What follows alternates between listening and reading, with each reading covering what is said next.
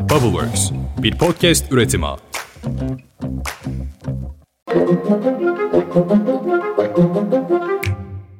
Günaydın hepinize yeni bir haftadan. Valla iki gün mola bana da çok hasret oluyor aslına bakarsanız. O kadar alıştım ki her sabah size dünyanın ve memleketin halini anlatmaya. Bugün 23 Ocak 2023 Pazartesi. Yine iliklerimize kadar ısındığımız bir hafta başladı. Bu nedir yahu? Hafta sonu Ankara'daydım bu arada. Sadece hava değil siyaset de çok sıcak. Ankara'da 5 liraya satılan simit 7 lira olmuş. Onu da gözlerimle gördüm. Hadi başlayalım.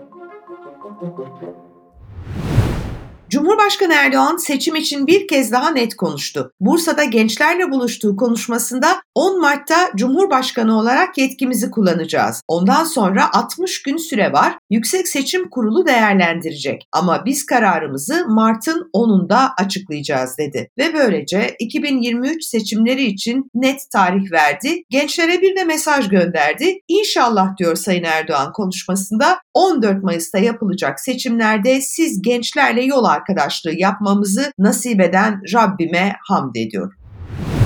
Cumhurbaşkanının bu açıklamasına göre sandığa 110 günden az kalmış oluyor ve seçim ekonomisi kararları hızla hayata geçmeye devam ediyor. Cumhuriyet tarihinin en kapsamlı borç yapılandırma paketi için gözler bugün Beştepe Külliyesi'nde olacak zira kabine toplanıyor. Paketin kapsamı ve ayrıntıları Cumhurbaşkanı Erdoğan tarafından kabine sonrası açıklanacak. Pakette vergi ve sigorta primi borçlarının yapılandırılması var. Aynı zamanda bu konulara ilişkin cezaların silinmesi var. Şirketlere matrah artırımı, kasa ve stok affı imkanı verilecek. Belediyelere olan borçlarla örneğin emlak vergisi, çöp vergisi, öğrenim kredileri de yapılandırma kapsamında. Yapılandırmanın maliyeye olan vergi borçları ya da motorlu taşıt vergileri ve trafik cezalarını da kapsaması bekleniyor. Ankara'da bu paket geçtikten sonra sıranın imar affına geleceği de konuşuluyor.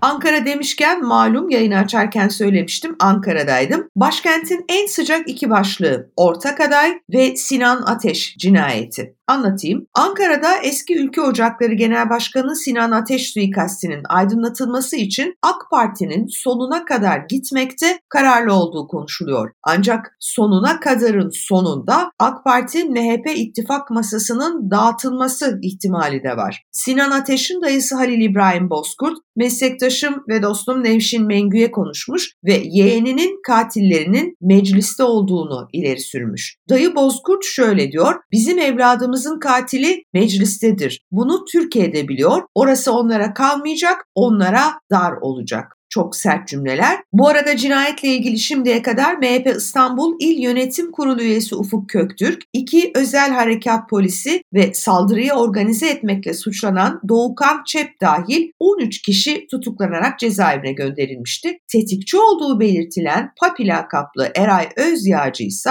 hala kayıp.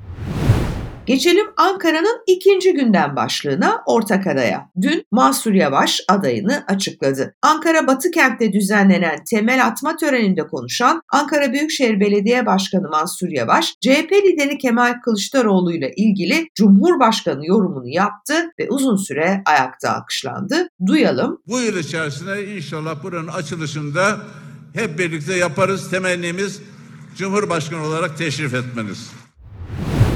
Evet Mansur Yavaş böyle diyor. Ekrem İmamoğlu ise Anadolu turunda 15 gün sürecek gezide pek çok kenti ziyaret edecek. İstanbul Büyükşehir Belediye Başkanı Ekrem İmamoğlu Kastamonu'da Daday'da yaptığı ziyaretler neredeyse bir miting havasında geçmiş. Bir de İmamoğlu şarkısı bestelenmiş. Şöyle bir şey biraz duyalım. Hedef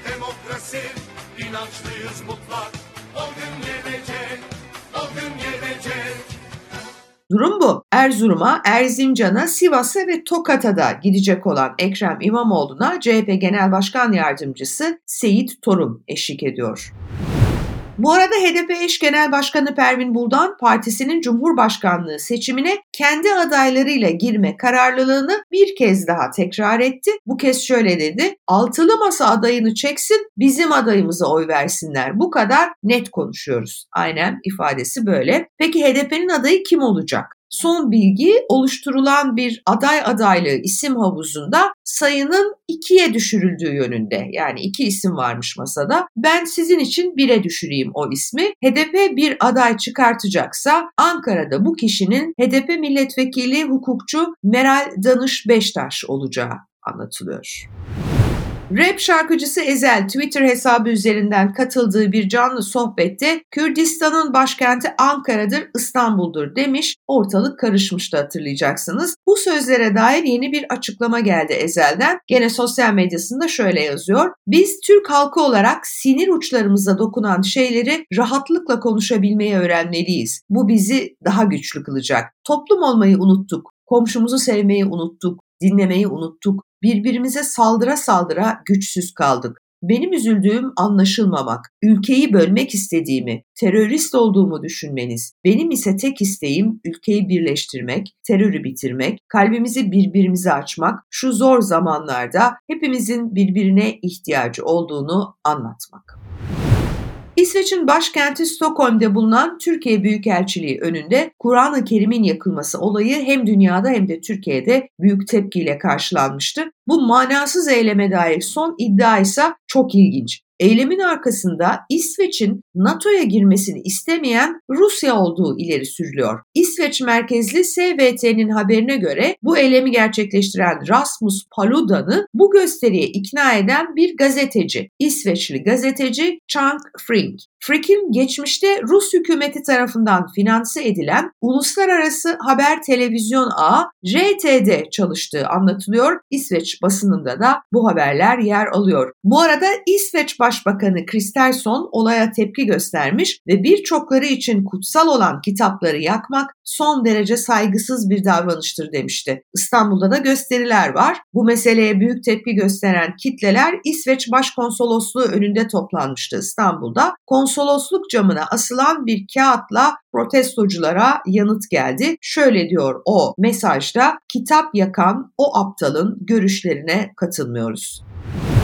Türkiye'de sayılarını tam olarak TÜİK'in bile bilemediği göçmenlerle ilgili bir tartışma vardı. En çok da Suriyeli sığınmacılarla ilgili. Özellikle Türk vatandaşlığına geçen Suriyeli sığınmacı erkekler medeni kanunun değiştirilmesi talebiyle nüfus dairesine gidiyorlardı. Çünkü birden fazla eşleri var Suriye hukukunda bir erkek dört eş edinebiliyor. Türkiye'deki medeni kanuna göre ise nikahlı tek bir eşi olabilir bir erkeğin. Suriyeli sığınmacılar talepte bulunmuşlardı Türk Medeni Kanunu değiştirin diye. Ama Yargıtay bu taleple ilgili olarak çok önemli bir karar verdi ve bu kararda onandı. Diyor ki o karar Türk vatandaşı olan ve iki eşli olan Suriyeli Beşar Dabul'un vakası bu. Türk Medeni Kanunu gereği ikinci evliliğinin iptal edilmesini talep ediyor ve iptal ediyor mahkeme. Yargıtay işte mahkemenin bu kararını onadı. Dilerim böylece bu saçma sapan tartışmada sona ermiş olur.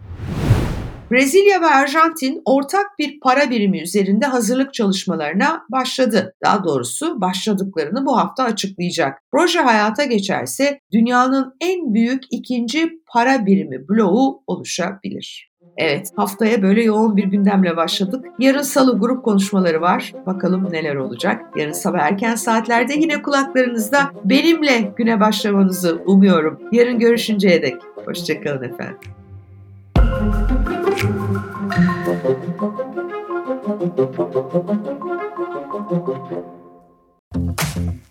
Bubbleworks bir podcast üretimi.